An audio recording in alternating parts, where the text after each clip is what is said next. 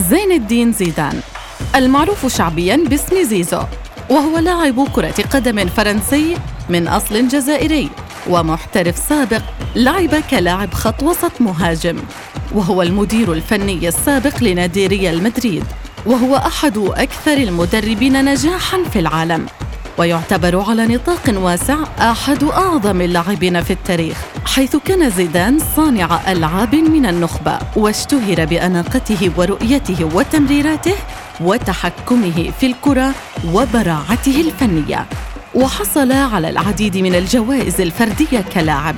بما في ذلك حصوله على جائزة أفضل لاعب في العالم في أعوام 1998 و2000 و2003 كما فاز بجائزة الكرة الذهبية لعام 1998